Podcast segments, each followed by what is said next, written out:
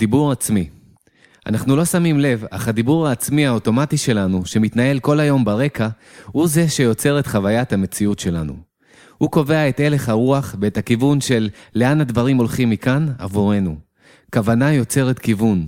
לכן, חשוב מאוד מדי פעם במהלך היום לפתוח אוזן פנימית, מוניטור, ולהקשיב לדיבור הפנימי שלנו כדי להבין האם הוא מתואם ממה שאנחנו רוצים להיות או להשיג או להגיע אליו, או שהוא מכוון אותנו בדיוק למקום ההפוך, לאן שאנחנו לא רוצים להגיע.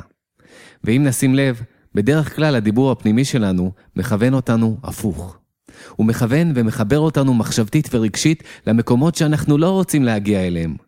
וזה קורה מהסיבה הפשוטה שהמוח שלנו מתוכנן להתמקד יותר על מה שיכול להתקלקל ולהיות לא בסדר, כדי שניזהר מזה, מאשר על מה שיכול להסתדר ולהיות טוב יותר, כדי שנתקדם לקראת זה.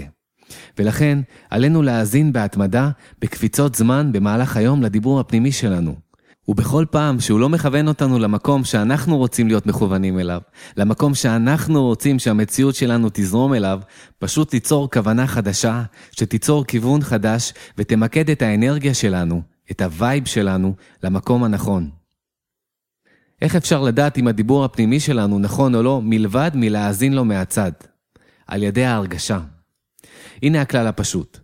אם אנחנו מרגישים טוב, מרגישים רגועים ושמחים, נלהבים, כל הרגשות החיוביים, הדיבור הפנימי שלנו חיובי. ובדרך כלל, במצב כזה, אנחנו לא נשים לב לדיבור הפנימי שלנו בכלל, ופשוט נהנה מההרגשה שלנו. אך כשמשהו לא מרגיש טוב, כשההרגשה שלנו שלילית, אנחנו יכולים להיות בטוחים שברגע זה מתנהל דיבור עצמי שלילי בתת המודע שלנו. ההרגשה השלילית היא האינדיקציה השנייה. האינדיקציה השלישית היא התגובות שלנו. וזה אומר איך שאנחנו מגיבים לסיטואציות באופן אוטומטי. כשאנחנו מגיבים בחוסר סבלנות ועצבנות, או כל תגובה שמבטאת לחץ, זה אומר שהדיבור הפנימי שלנו כרגע שלילי, ועלינו לשנות אותו כמה שיותר מהר. וזה אומר מיד. הסיבה שכדאי לשנות אותו מיד, היא שדיבור שלילי יוצר שרשרת. הוא מושך אליו מחשבות וזיכרונות מאותו הסוג, וזה רק מגביר את ההרגשה השלילית, את ה vibe השלילי, והסיטואציות המיידיות שאנחנו פוגשים, או יותר נכון יוצרים, מתאימות לאופי הדיבור הפנימי שלנו. אי אפשר להתחמק מזה. דיבור פנימי הוא כמו מנוע שמייצר לנו את המציאות באופן דינמי. עלינו ללמוד כיצד לנתב אותו, כדי שהמנוע הזה יניע את המציאות שלנו למקומות שאנחנו רוצים. אנחנו נלחמים פה נגד ברירת מחדל של החלק ההישרדותי במוח האנושי, שמחפש את מה שיכול להתקלקל ולא להיות בסדר. ואם נאפשר לו לעשות את זה באופן אוטומטי מבלי לכוון אותו, הוא יהיה מכונת הייצור שלנו, והחיים שלנו יקבלו את פס הייצור שלו. אז בואו נסכם עד עכשיו. 1. דיבור עצמי מתנהל כל הזמן ברקע ללא הפסקה. בדרך כלל, הדיבור הזה שלילי מבחינת תכנון הגנתי הישרדותי של המוח האנושי. 2. כוונה יוצרת כיוון, ולכן, אם ניצור כוונה חדשה, כוונה לחוות את הטוב ביותר שאנחנו רוצים לחוות, אנחנו נשנה את הכיוון של הדיבור הפנימי.